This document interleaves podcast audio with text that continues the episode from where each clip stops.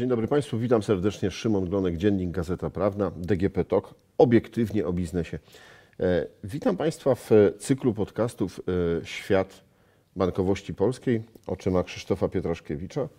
Dzień dobry. E, panie prezesie, można powiedzieć dogrywka, bo po 15 odcinkach wywołaliśmy trochę zamieszania. Państwo, za co oczywiście dziękujemy i zapraszamy nadal do dyskusji, do komentarzy i też do, do pytań. Trochę pytań Państwo przysłaliście, trochę różnych tematów się pojawiło, więc postanowiliśmy jeszcze odpowiedzieć na te najbardziej nurtujące Państwa. No i jeden z tematów, e, który wypłynął w dyskusji, ale też wypłynął pomiędzy nami, to jest temat prywatyzacji banków. E, I e, Pan brał udział, czy też może był zaangażowany w momencie, kiedy pracował Pan w Radzie Nadzorczej PKO BP, w rozważanie na temat prywatyzacji tego banku. Tak, y, właściwie obserwowałem to z pozycji y, dyrektora generalnego Związku Banków Polskich. Y, wówczas, kiedy już w zaangażowanie kapitałowe zagranicznych instytucji finansowych było bardzo, bardzo poważne. No i powstało pytanie, czy największy taki flagowy polski bank E, uniwersalny PKO BP także powinien mm, być sprywatyzowany w taki sposób, żeby trafił większościowy pakiet akcji tego banku e, w ręce jakiegoś inwestora zagranicznego. I pojawiły się tutaj aspekty z jednej strony takie gospodarcze, z drugiej strony społeczne i polityczne, dlatego że dawało się wyczuć e, w dyskusjach i w badaniach opinii społecznej, że Mm, znalezienie pewnego punktu równowagi pomiędzy zaangażowaniem kapitału zagranicznego a krajowego jest y, mocno oczekiwane. Y, sam w tych dyskusjach uczestniczyłem, y, namawiając do tego, żeby zachować balans, żeby nie przekraczać jednak poziomu 50% kapitału zagranicznego w polskim sektorze bankowym, a to dlatego, że uważałem, iż w kraju 40-milionowym wówczas, czy blisko 40-milionowym, no, musimy robić wszystko z punktu widzenia takiej strategicznej stabilności, żeby budować własne, mocne krajowe instytucje finansowe. I o ile ta pierwsza prywatyzacja z zaangażowaniem kapitału zagranicznego, ona była tutaj wskazana z wielu powodów. Nie tylko dlatego, że w bankach brakowało nam kapitału i funduszy na finansowanie e, akcji kredytowej, zarówno prywatnych klientów, jak i firm, ale także po to, żeby zachęcić inwestorów zagranicznych, by lokowali w innych sferach przemysłu, e, gospodarki czy, czy rolnictwa także e, swoje kapitały. I muszę powiedzieć, że po bardzo poważnej dyskusji z udziałem e, prezydenta e, Aleksandra Kwaśniewskiego, ale także e, szefów partii wówczas w koalicji, z udziałem profesora Geremka, świętej pamięci profesora Geremka, ale także specjalistów z Ministerstwa Finansów, z Narodowego Banku Polskiego. Jednak konkluzje po debacie, taka, taka, takiej, która się odbyła w kancelarii prezydenta, padła sugestia, aby nie dokonywać e, takiej e, szarży i żeby poprzestać na tej formule prywatyzowania, na tym poziomie zaangażowania i wybrano inną ścieżkę. Natomiast sama prywatyzacja sektora bankowego ma o tyle i miała o tyle znaczenie, że doprowadzała do tego, że pewne wskaźniki efektywnościowe były szybciej wymagane, pewna przebudowa samego banku, modernizacja samego banku była nieco szybsza. I to, co jeszcze jest ciekawe, że e, inwestorzy zagraniczni, czy inwestorzy w ogóle prywatni, którzy chcieli realizować jakieś długofalowe strategie, oni byli y, gotowi poczekać z wypłatą dywidendy y, jakiś y, okres czasu, dłuższy, czasami 2, 3, 4 lata, dlatego że widzieli, że polska gospodarka się rozwija i wiedzieli, że oni na tym średnio i długookresowo e, wiele zyskają. Podczas gdy czasami e, banki z kapitałem Skarbu Państwa, to nie jest tylko przypadłość Polska, ale także innych krajów, no, w obliczu jakichś potrzeb budżetowych no, po prostu gwałtownie sięgają po, po środki, które mogłyby po prostu budować potencjał kapitałowy e, sektora bankowego danego kraju, w tym przypadku e, w Polsce.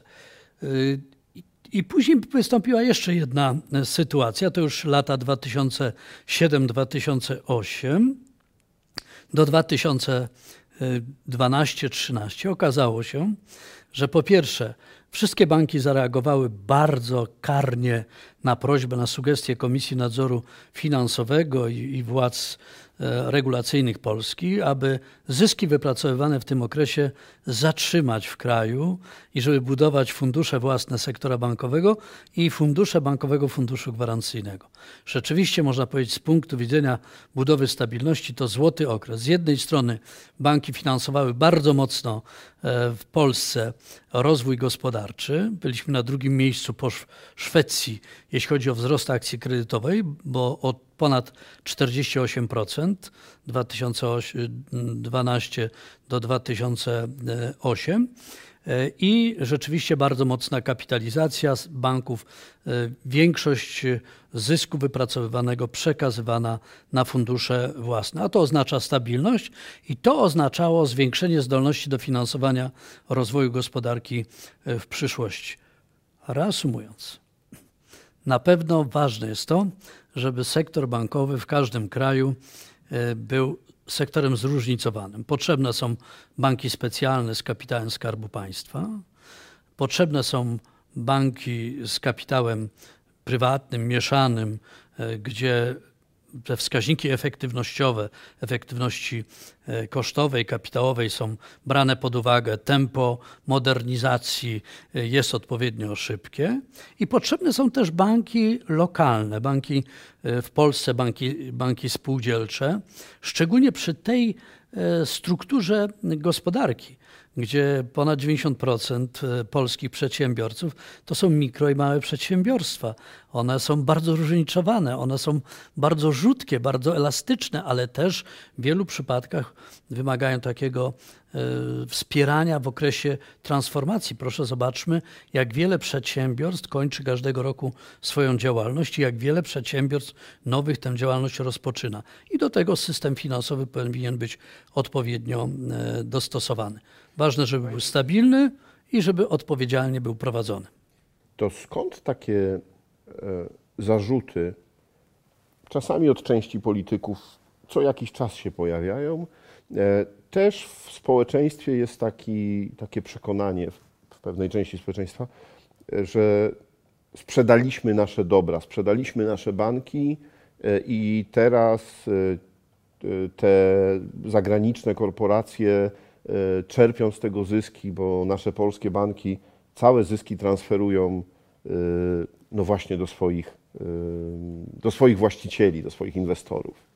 To jest nieprawda. To w, po prostu w toku różnych kampanii politycznych powstały pewne mity. Najpierw trzeba po prostu pamiętać, że w momencie, kiedy rozpoczęliśmy proces transformacji polskiego sektora bankowego, to w świecie też w wyniku wielu kryzysów, które wydarzyły się w różnych regionach świata, i w Europie, i w Ameryce i Północnej, i Południowej, i w Azji, i w Japonii, y, po prostu pewne wymogi w stosunku do banków zostały bardzo wyraźnie zaostrzone. Zresztą po każdym kryzysie finansowym wchodzą jakieś nowe regulacje, nowe, nowe wymogi. Krótko mówiąc, y, budżety państw, państwa nie chciały więcej partycypować e, w ewentualnych upadłościach sektora bankowego, czyli jak to zaskutkowało, jakimi regulacjami, musicie mieć do prowadzenia działalności więcej własnego kapitału. Czyli, żeby udzielać 100 jednostek kredytu, już nie możecie mieć tylko 4, czy 3, czy 2 jednostki kapitału, musicie mieć 6, później 8, później 12, później e, odpowiednio więcej. Dzisiaj to jest kilkanaście, kilkanaście procent. Po kryzysie światowym finansowym państwa powiedziały, będziecie za błędy w polityce kredytowej będziecie wypłacić. Nie będą płacić tego podatnicy. W Polsce myśmy skorzystali, byliśmy o tyle mądrzejsi, że budowaliśmy szybciej kapitały e, i nie dofinansowywaliśmy banków jako podatnicy, tak jak musieli to uczynić Niemcy, Grecy, Włosi, e, Hiszpanie, Irlandczycy, czy Brytyjczycy, czy Francuzi. Nie, w Polsce dzięki temu, że mieliśmy e, szybciej budowane, mocniejsze fundusze własne, myśmy zaczęli odbudowywać udział polskiego kapitału w funduszach własnych polskiego sektora e, bankowego. I był taki moment, kiedy mierząc to, jaka część aktywów polskich banków była zarządzana przez kapitał zagraniczny, w pewnym momencie było to ponad 75% a po, w czasie kryzysu ten udział spadł e, poniżej 50%.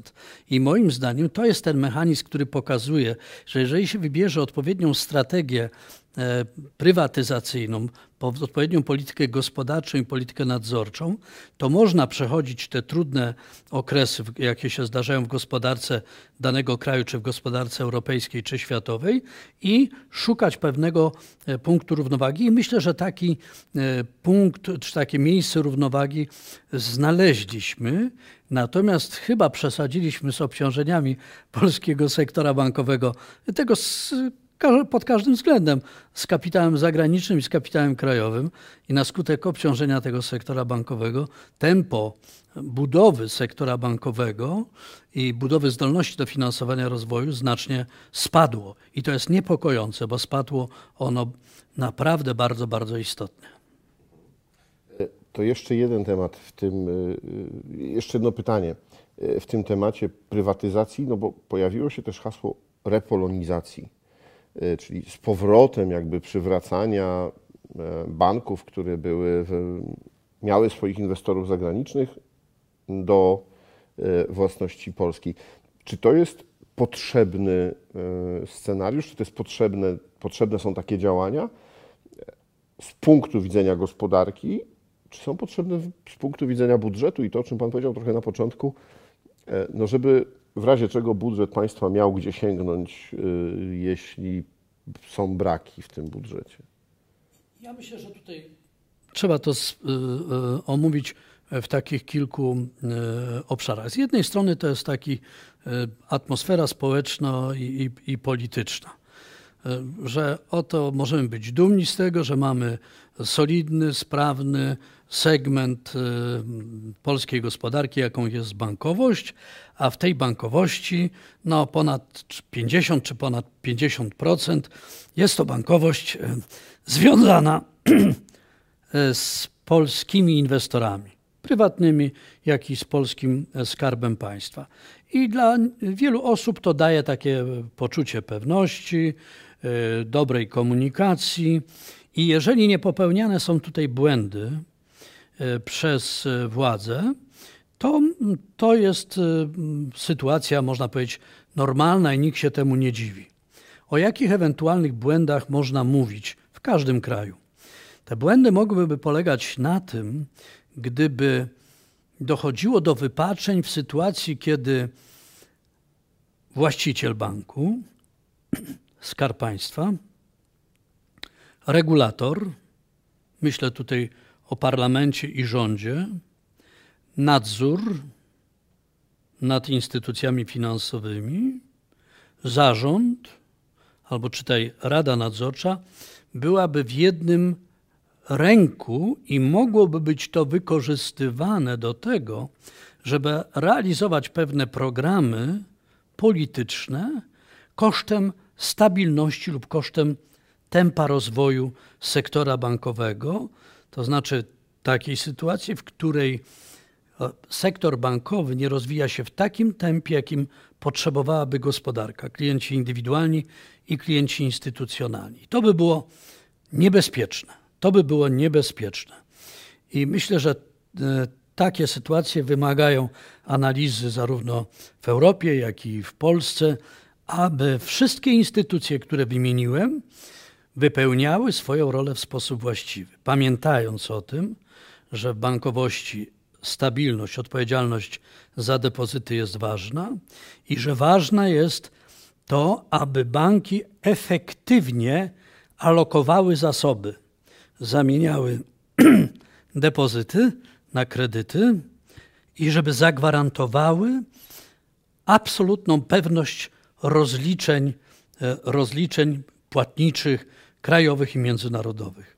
I jeżeli to jest spełnione, jeżeli bank rozwija się w odpowiednim tempie, odpowiednio do tempa rozwoju gospodarczego i potrzeb klientów, no to powiedzieć, że, można powiedzieć, że sytuacja jest ta spełniona. Jeżeli natomiast zachodzą tutaj jakieś perturbacje, na przykład to, co mnie niepokoi, to bardzo częste zmiany kadrowe w przeszłości, ale także niedawnej przeszłości w niektórych bankach z udziałem Skarbu Państwa. To jest powód do, do jakiegoś zaniepokojenia, do jakiejś refleksji i proszę wybaczyć, to nie ma, e, nie ma tutaj nic wspólnego z uprzykrzaniu życia komukolwiek, tylko po prostu to jest naprawdę przedmiotem troski, bo wiadomo, że instytucja finansowa, w której następują zbyt częste zmiany, zmiany strategii i tak dalej, ona się nie rozwija, ona się nie może rozwijać w odpowiednim tempie, bo ciągle jest ona w jakimś takim rozedrganiu. Przejdźmy do kolejnego e, wątku, pytania, które pojawiło się e, w komentarzach. E, otóż takie stwierdzenie, pewne jak w banku. I nasz słuchacz pyta, co z tego zostało? Bardzo dziękuję. To jest pytanie, które, za które dziękuję panu prezesowi Arturowi, bo to jest bardzo doświadczony przedsiębiorca, świetnie znany. Pewne jak w banku to przede wszystkim bezpieczne oszczędności y, obywateli, klientów. I to pozostało. Naprawdę mamy prawo do dumy w Polsce, pomimo tego, że liczba banków zmniejszyła się z blisko 1800 do 600, to mm, właściwie żaden e, klient czy żadna większa grupa klientów na przestrzeni tych 30 prawie lat e, nie straciła swoich oszczędności. I to sobie bardzo cenią klienci.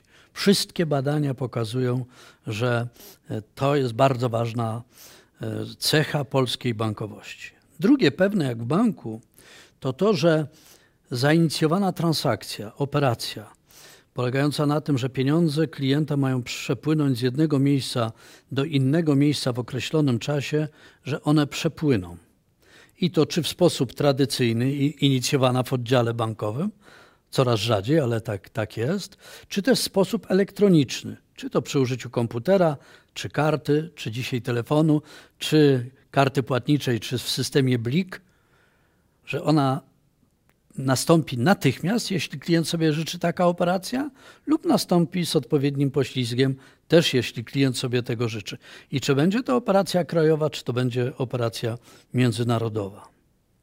Pewne jak w banku to także to, że banki robią wszystko, żeby nastąpiła poprawna identyfikacja klienta I tutaj konieczne jest solidne współdziałanie pomiędzy klientem i bankiem. Dlatego my często mówimy, że kiedyś w przeszłości, nawet kilkadziesiąt lat temu w Polsce, ważne było to, żeby klienci mieli zaufanie do banków. I to pozostanie, to jest bardzo ważne. Ale teraz trzeba powiedzieć, kiedy klienci dostali klucz do sejfu bankowego, do banku, to też ważne jest, że bank musi sprawdzić, czy klient naprawdę potrafi się posługiwać tymi instrumentami płatniczymi, które otrzymał. Czy kartą płatniczą, czy y, kodami y, komputerowymi, czy, czy y, odpowiednio na przykład używa blika, czy nie podaje pochopnie swoich informacji gdzieś tam w świecie, w sieci. I, i to jest to mm, pewne jak w banku, ale myślę, że można też po stronie kredytowej e, powiedzieć, e, to często się spotyka z takim obruszeniem ze strony klienta.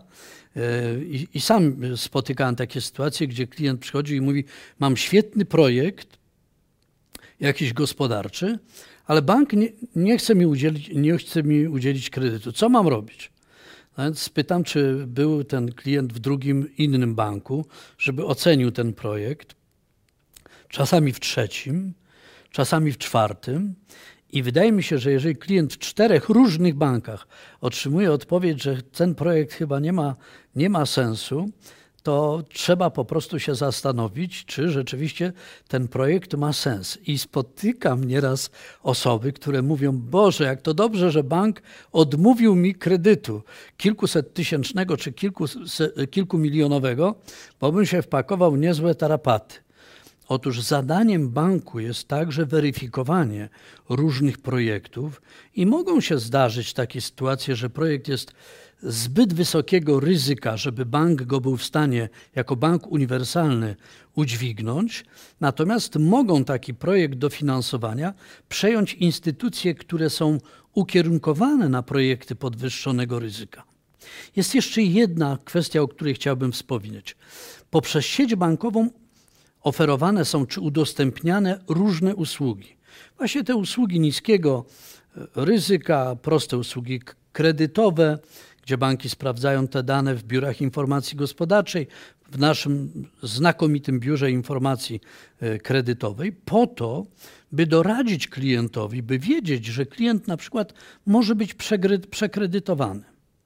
Ale są e, także usługi o charakterze inwestycyjnym. I pamiętajmy wtedy, że jeśli mamy jakieś zasoby finansowe i chcemy je użyć, wykorzystać do finansowania projektów podwyższonego ryzyka, to najlepiej skorzystać też w banku, w sieci bankowej, ale w biurach maklerskich czy w specjalnych e, punktach z doradztwa inwestycyjnego.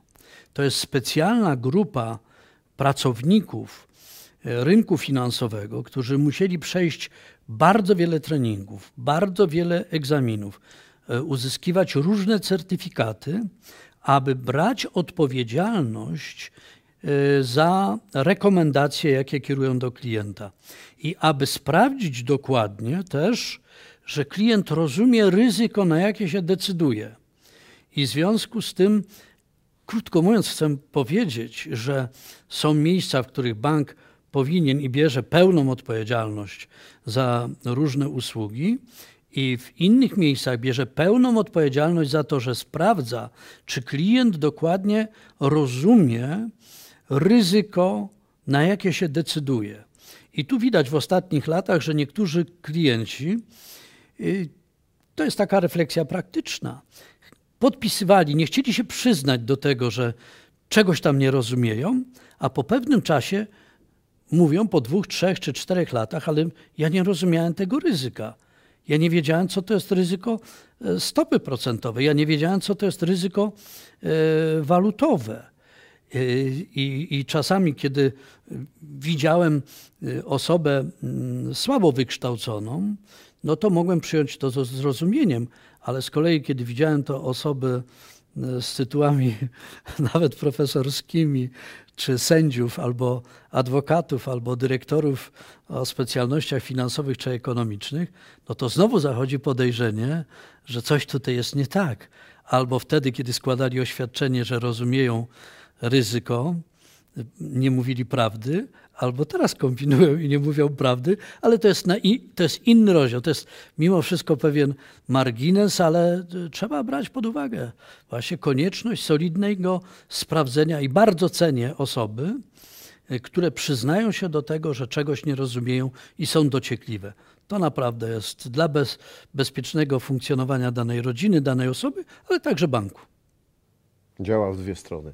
Yy Panie prezesie, no to chyba ta dogrywka e, jeszcze potrwa przynajmniej jeden odcinek, bo jest jeszcze kilka pytań, e, które mamy e, od naszych widzów i słuchaczy. Dziękuję za dzisiaj, dziękuję za wyjaśnienie tych rzeczy związanych z prywatyzacją, ale też z tym, co to jest pewne jak w banku. No, tych, którzy z Państwa oglądają pierwszy raz nasz odcinek, no to oczywiście zachęcam do tego, żeby wysłuchać, obejrzeć 15 e, odcinków w cyklu e, Świat, o czym, Świat bankowości polskiej, oczyma Krzysztofa Piotroszkiewicza. E, jest to naprawdę ogromna piguła wiedzy na temat naszej gospodarki, bankowości i przemian, jakie w Polsce się dokonywały. A dzisiaj serdecznie dziękuję. To było DGP TOK obiektywnie o biznesie. Moim gościem był Krzysztof Pietraszkiewicz. Rozmawiał Szymon Glonek. thank you